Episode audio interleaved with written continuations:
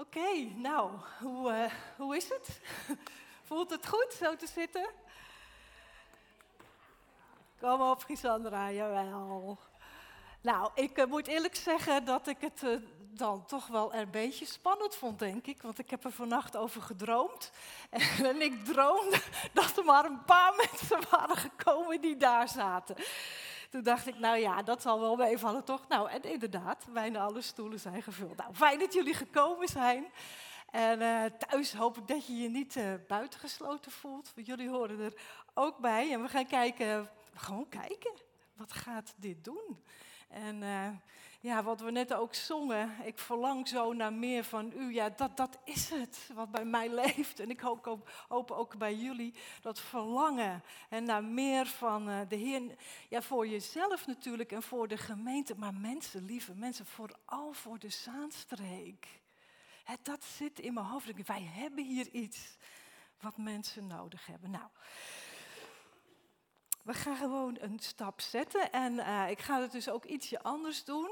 Uh, ik heb uh, voor het eerst volgens mij een preek in drie punten. En, dus het worden drie deeltjes. En, en tussendoor geef ik jullie dan ook gelegenheid om ook even met elkaar in gesprek te zijn. En dan gaan we kijken hoe dat gaat worden. Ja, hoe, uh, hoe, is dat nou ook weer gekomen dat we nu zo uh, hier aan, aan tafels zitten? En het is begonnen bij dat gebed van Jezus, wat ook, uh, Mary, wat ook jij las, en voor zijn toekomstige volgelingen, voor ons dus. En waar hij bidt, laat hen alle één zijn, Vader, zoals u in mij bent en ik in u. Laat hen zo ook in ons zijn, ik in hen en u in mij, dan zullen ze volkomen één zijn en zal de wereld begrijpen dat u mij hebt gezonden en dat u hen lief had zoals u mij lief had. Dus Jezus verbindt zijn getuigenis wie hij is, verbindt hij aan ons. Dat aan ons te zien is wie Jezus is en dat God mensen lief heeft. Dus er staat echt ontzettend veel op het spel. En het is een enorme verantwoordelijkheid. Maar we kunnen gerust zijn, want wij hoeven er niet voor te zorgen dat wij één worden. Dat is God die dat doet. Daar bidt Jezus voor, dat God voor die eenheid zorgt. Het is wel aan ons ervoor te zorgen dat God dat ook kan doen. Dat één maken. Dat wij Hem daar de ruimte en de, en de gelegenheid voor geven. Dus ja, hoe doe je dat? ik kan niet iets anders bedenken dan door een hechte gemeenschap te zijn waar onderlinge verbondenheid is. En dat is een behoorlijke uitdaging hè, voor ons, maar voor elke gemeente een behoorlijke uitdaging. En als wij dan eens even gewoon naar onszelf kijken, naar onze gemeente. En waar gaat dan onze meeste tijd, onze meeste aandacht en energie naar uit? Want dat zegt iets over wat wij met elkaar heel belangrijk vinden dat zijn de diensten. Daar gaat enorm veel energie, tijd en aandacht naar uit. Dus de diensten die zijn het middelpunt, zo kun je het zeggen, van onze gemeente. Dus dat betekent dan ook dat de dienst voor een groot deel bepaalt hoe wij dan zo'n gemeenschap met elkaar vormen. En dan is die vraag daar, en biedt dat God dan de ruimte om ons één te maken? Nou, we zingen, we bidden in de dienst en we verkondigen het woord van God. En dat zijn elementen en dat hebben christenen al vanaf het eerste begin gedaan. Hè? Toen ze een kerk, een gemeente met elkaar gingen zijn en vieringen, dat is wat ze deden. Maar de vorm waarin je dat doet, ja, dat, dat wisselt van tijd tot tijd.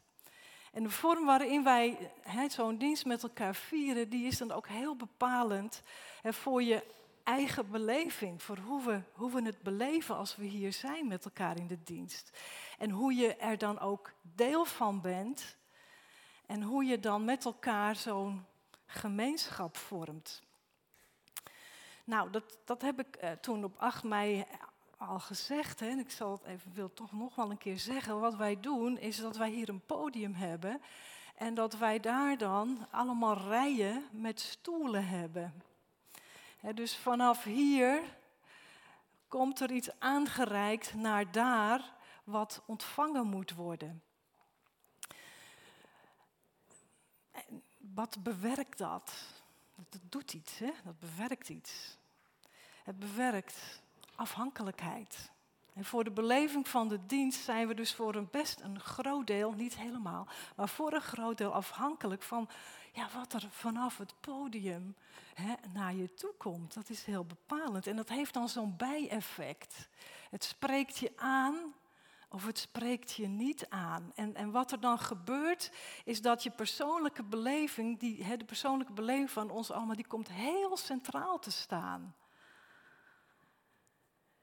En wat het ook bewerkt is vrijblijvendheid. Want je kunt naar de dienst komen of je kunt thuis blijven. want zonder mij, nou niet helemaal zonder mij, maar zonder anderen, zonder voor jezelf te spreken, gaat het ook wel door. En je kunt ook in de dienst, als je in de dienst bent, ook dan kun je nog steeds ervoor kiezen om deelnemer te zijn of toeschouwer te blijven. Dus de vorm waarin we het doen, die, die, die, die zorgt niet automatisch voor medeverantwoordelijkheid voor de dienst. En dan kun je hier ook nog anoniem blijven. Je kan hier anoniem in de dienst aanwezig zijn. En je kunt komen zonder gezien en aangesproken te zijn. En dat gebeurt onder ons. En ook vanwege hè, de grootte van onze gemeente ken je ook niet iedereen bij naam. Dus je kent niet iedereen. Dus, dus dat betekent dat wij met elkaar een dienst vieren. Hè, tot eer van God en tot opbouw van onszelf. Met mensen die wij helemaal niet kennen, nog nooit ontmoet hebben, of die maar een beetje kennen. Ja, en natuurlijk ook met mensen die we wel kennen. Nou, nou weet ik natuurlijk dat velen van jullie het, het zo niet ervaren zoals ik het nu net geschetst heb. En, ehm, maar ik wil het wel zeggen, want lieve mensen, dit is wel de dynamiek die nu gaande is dus vormen, de dienst, is, is, dat, hebben we, dat is een bepaalde vorm waarin we de dienst vieren. Dat is tijdgebonden. Dus er zit een houdbaarheidsdatum aan. Dus nou is het uh, mijn ja, mening, inzicht, mijn ervaring uh, dat hoe wij de dienst met elkaar vieren, dat dat niet zo meehelpt in het elkaar ontmoeten en het elkaar kennen. En, en dus met elkaar dan ook een, uh, een gemeenschap vormen.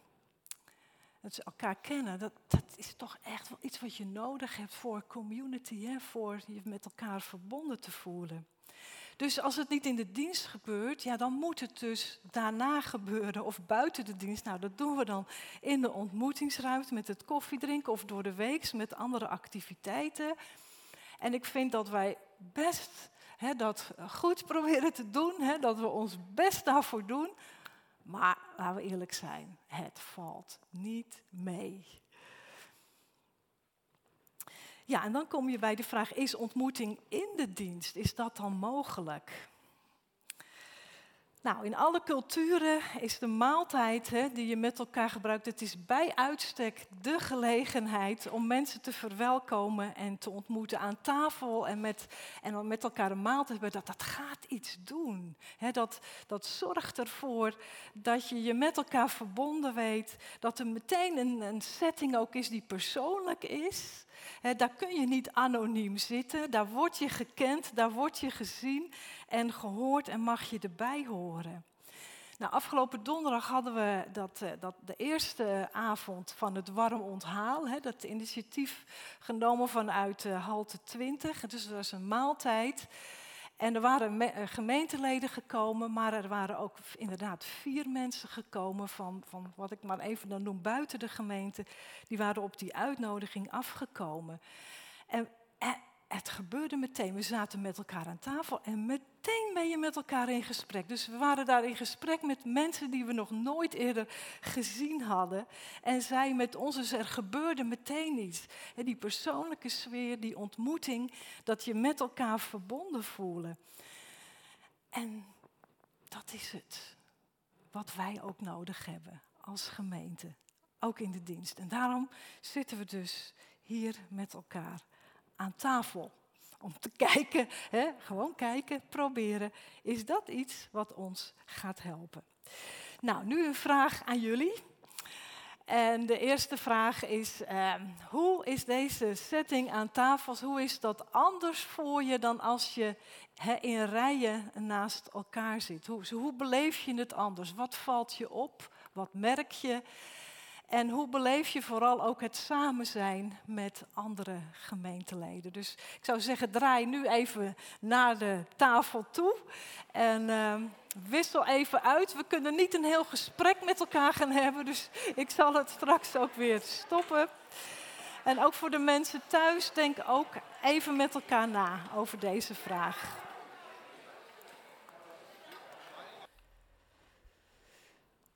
Nou, ook in de evangelie is eh, het aan tafel zitten, de maaltijd eh, met elkaar hebben. Dat is een heel uh, vaak terugkerend en heel belangrijk thema ook. En als Jezus aan tafel zit bij je, dan gebeurt er wat. En in Lucas 14, hè, daar, dat hele hoofdstuk, dat is gewijd aan het thema aan tafel en de maaltijd. Dat staat daarin centraal. En dat begint zo. Toen Jezus op Sabbat in het huis van een vooraanstaande fariseer was, waar hij voor een maaltijd was uitgenodigd, werd hij scherp in het oog gehouden. Een riskante onderneming om Jezus bij je aan tafel uit te nodigen. Geheid gaat er iets gebeuren, iets wat je zelf niet in je plan had, wat je niet had gedacht of had verwacht. Dus de gastheer en zijn vrienden die willen, hebben Jezus uitgenodigd om hem te betrappen op een misstap. Maar dan gebeurt er iets. Hè. Er komt daar een waterzuchtige en uh, die is niet genodigd en die verschijnt daar. En nou, daar gaat Jezus gaat hem genezen op de Sabbat. En dan gaat hij een paar vragen stellen waardoor zij zelf betrapt worden op hun eigen misstappen. En dan denkt Jezus, en nu ik hier toch ben, laat ik nog even iets meer vertellen. En dan komt hij met drie gelijkenissen aan waar je stijl van achterover slaat. En één daarvan wil ik dan uh, vertellen. Alle hebben betrekking op de uitnodiging voor een maaltijd. En een maaltijd of feestmaaltijd, zoals bijvoorbeeld bij een bruiloft, dat is een heel treffend beeld voor het koninkrijk van God en hoe het er daar binnen aan toe gaat. En want God is gastvrij, heel erg gastvrij. Iedereen is welkom, iedereen is uitgenodigd om deel te hebben ook aan zijn maaltijd, maar natuurlijk dan ook deel te hebben aan zijn koninkrijk. Je mag erbij. Iedereen is welkom en mag erbij. En Jezus is naar ons toegekomen op aarde om die blijde boodschap van God te vertellen. God is een gastvrije, liefdevolle vader. En je bent uitgenodigd om erbij te horen in zijn koninkrijk. Niemand wordt buitengesloten. Maar dan komt het. Hij vraagt dat dus ook van ons om zo gastvrij te zijn. En dus zegt Jezus tegen degene die hem had uitgenodigd: Wanneer, wanneer u een maaltijd aanbiedt of een feestmaal geeft, vraag dan niet je vrienden, je broers, je verwanten of je rijke buren. Want zij zullen op hun beurt u uitnodigen en zo doen zij iets voor u terug. Maar wanneer u een feestmaal geeft, nodig dan de armen, de kreupelen, de verlamden en de blinden uit. En dan zult u gelukkig zijn, juist omdat zij niets kunnen terugdoen. Want u zult ervoor beloond worden bij de opstanding van de rechtvaardigen.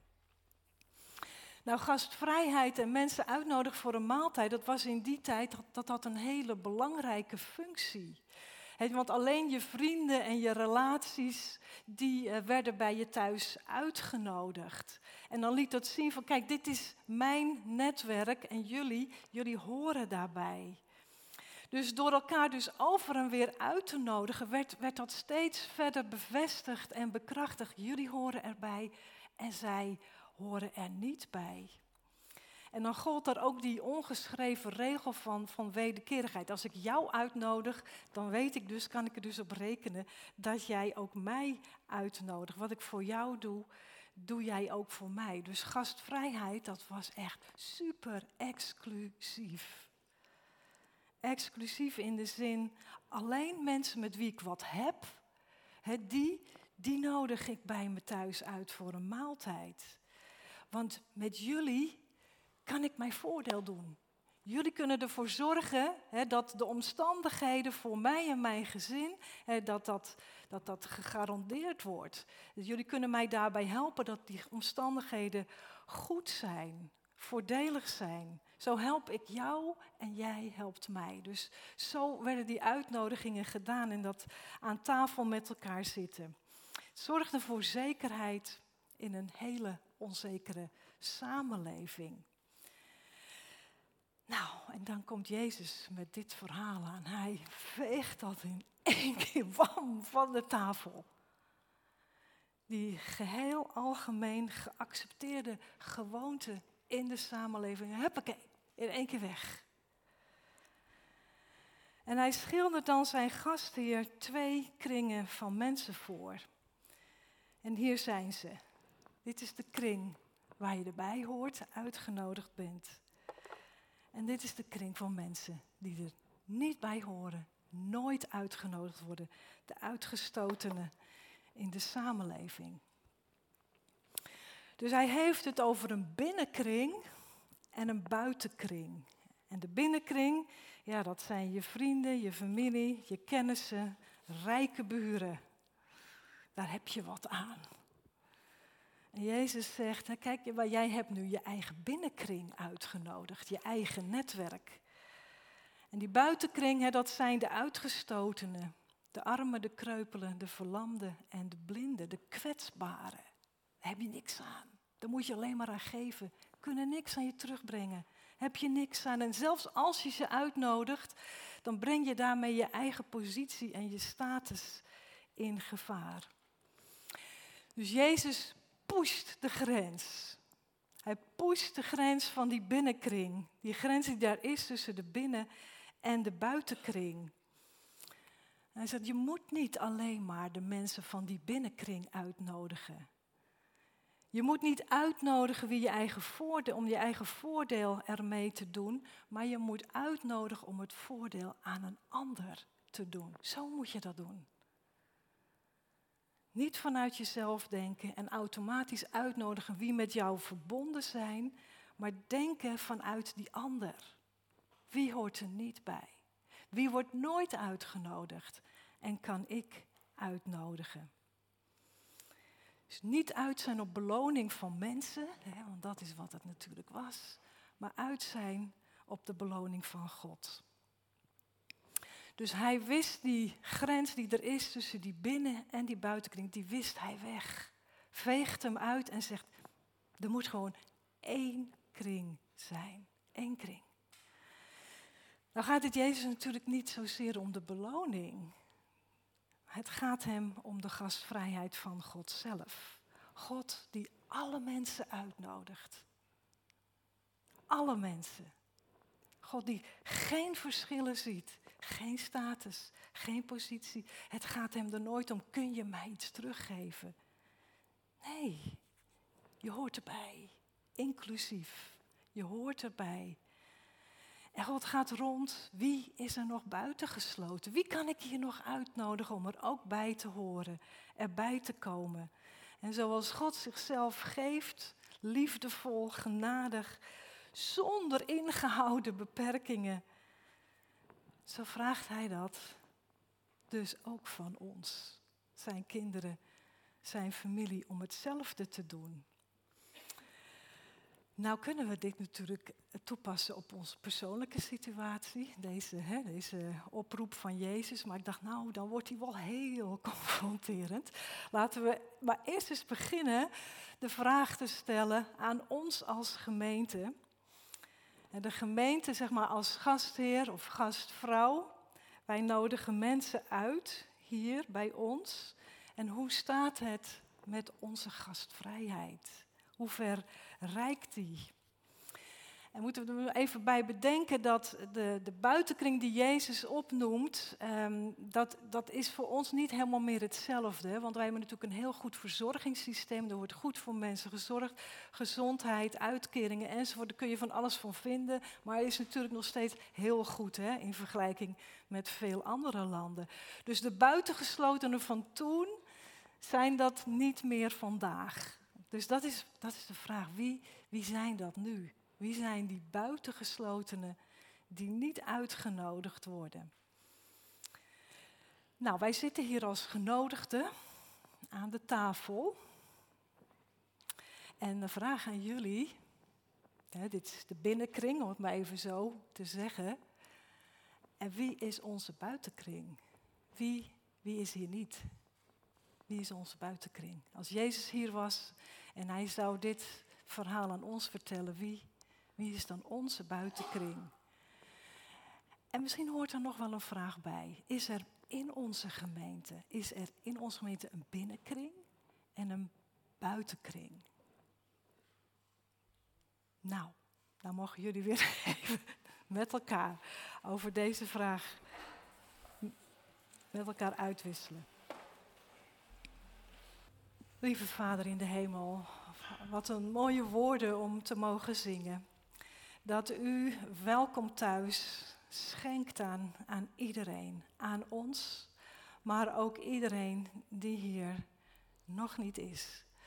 Vader, dank u wel dat het bij u een veilig thuis is, een blij thuis en een thuis waar je erbij hoort, waar je daar niet je best voor hoeft te doen, maar waar je er gewoon gewoon bij hoort, omdat het uw thuis is. Dank u wel voor die uitnodiging. Dank u wel dat u zo vrijgevig bent. Dank u wel dat u zichzelf geeft in Jezus Christus aan ons. Dank u wel en we bidden, Heer, dat uw uitnodiging, uw gastvrijheid, dat dat ook bij ons vorm mag krijgen, uitwerking mag krijgen door uw geest. Dat vragen we in Jezus' naam. Amen.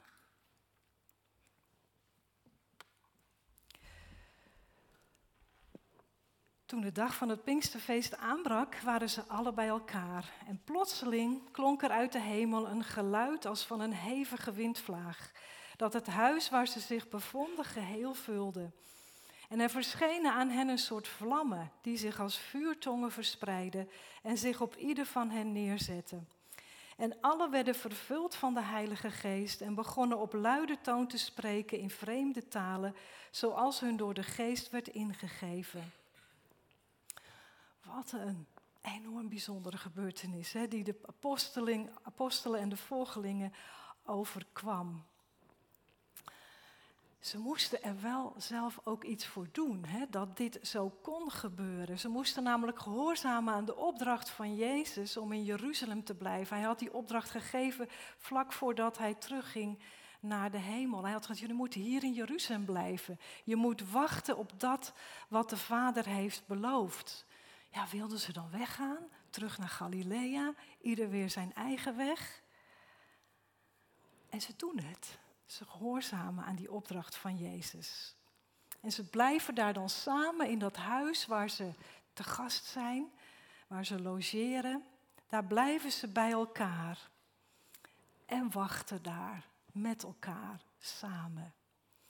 En in dat samen zijn, dat ze daar bij elkaar gebleven zijn, daar stort God dan zijn Heilige Geest uit. Het is natuurlijk het werk van God. Hè? Hij stort zijn geest uit. Maar zij moesten dat wel mogelijk maken door bij elkaar te zijn. Te gehoorzamen aan die opdracht van Jezus. En op die manier creëren ze dus die ruimte voor God om te doen, te schenken wat Hij beloofd had. En wat bewerkt dan de geest hè, na die uitstorting? Wat, wat, wat bewerkt de geest dan? Ja, hij doorbreekt de barrières, hè, in de eerste plaats de taalbarrières die mensen van elkaar scheidt. Hij doorbreekt die barrières, zodat ze elkaar wel begrijpen kunnen. En dan ontstaat daar een hele mooie gemeenschap. Dus de geest die bewerkt community, gemeenschap, Bij elkaar zijn, eenheid. En dan staat er in, uh, in Handelingen 2, 44. En allen die tot geloof gekomen waren, die bleven bijeen. Daar komt het weer. Ze bleven bijeen en ze hadden alles gemeenschappelijk. Dus ze keken wie is er in nood. Nou, dan verkopen we iets van onszelf en dan, en dan zorgen we dat jij geen nood meer hebt. Dus, dus het individualisme, ik voor mezelf en jij voor jezelf, dat was weg. Er was niet een denken vanuit mijzelf, maar uit een denken van de ander. Wat heb jij nodig? Een denken vanuit wij, wij samen, wij samen. En ze kwamen ook elke dag trouw en eensgezind samen in de tempel. Dus ze waren elkaar toegewijd en ze waren daarin ook trouw. En dan moest ik denken aan uh, de preek van Esther hè, over het, je, je geeft een belofte, je maakt een belofte en je houdt je daaraan. Dat als je dan op elkaar kan rekenen, dat, uh, dat dat iets gaat doen in de gemeenschap. En zo deden zij dat ook. Ze waren trouw aan elkaar en ze hadden allemaal hetzelfde doel voor ogen. En wat ze ook deden is, ze braken het brood bij elkaar thuis en ze gebruikten hun maaltijden in een geest van eenvoud en vol vreugde. Heb je het weer. Ze gingen ook met elkaar aan tafel en eten. En ze waren één kring. Geen binnenkring en geen buitenkring. Ze waren één kring. En zo bekrachtigden zij hun identiteit. Wij zijn een nieuwe gemeenschap. Familie van God. Volgelingen van Jezus Christus.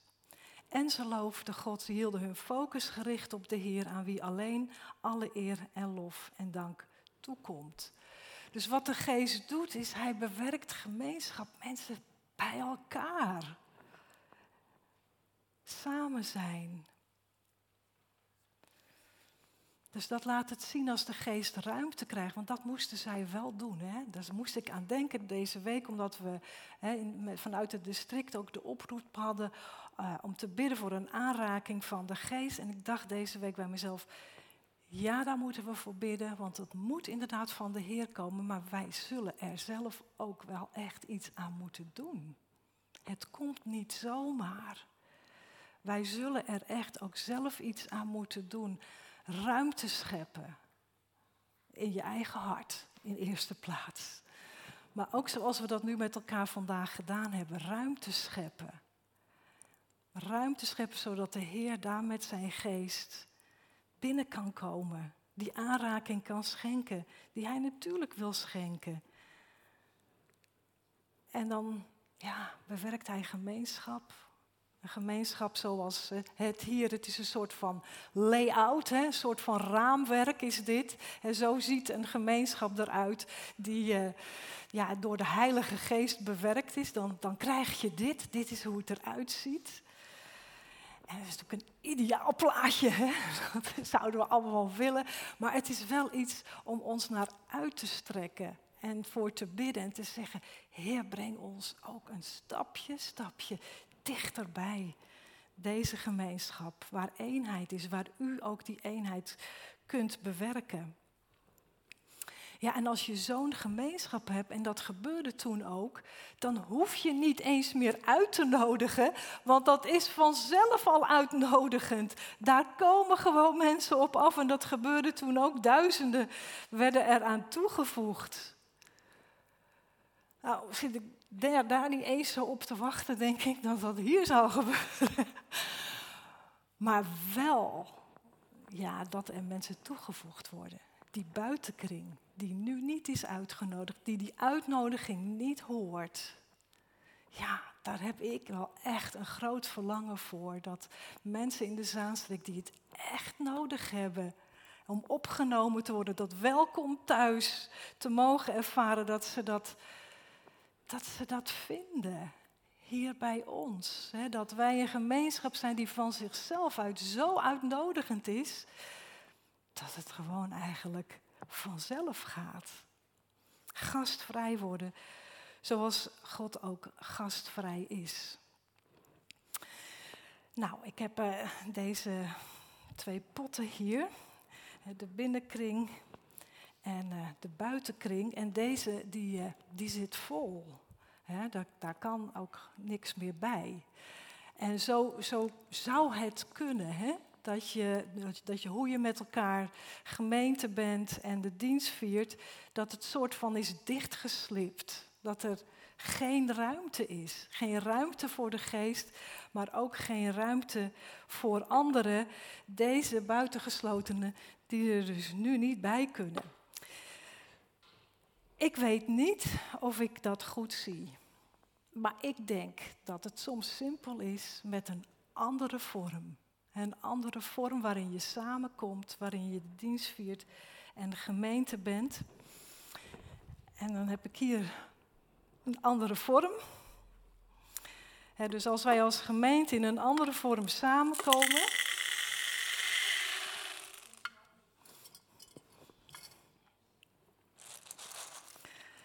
Kijk, dan is er meer ruimte. Er is een grotere opening en er is meer ruimte. En deze die nu niet genodigd zijn en nog buitengesloten, die kunnen er allemaal bij. Nou, dat hoop ik dat dat ons verlangen is, ons gebed aan de Heer als wij bidden voor een aanraking. Hè, dat wij ook zelf met elkaar zoeken waar is het dat wij die ruimte kunnen gaan creëren, zodat we een welkom thuis zijn, gastvrij zijn, zoals de Heer ook gastvrij is voor ons en zodat wij dat ook voor heel veel anderen mogen zijn. Opdat God eenheid onder ons kan brengen en wij ervan mogen getuigen. Jezus is onze Heer en God houdt van alle mensen. Amen. Ze willen zingen, kom o Heilige Geest, in ons midden en raak ons aan.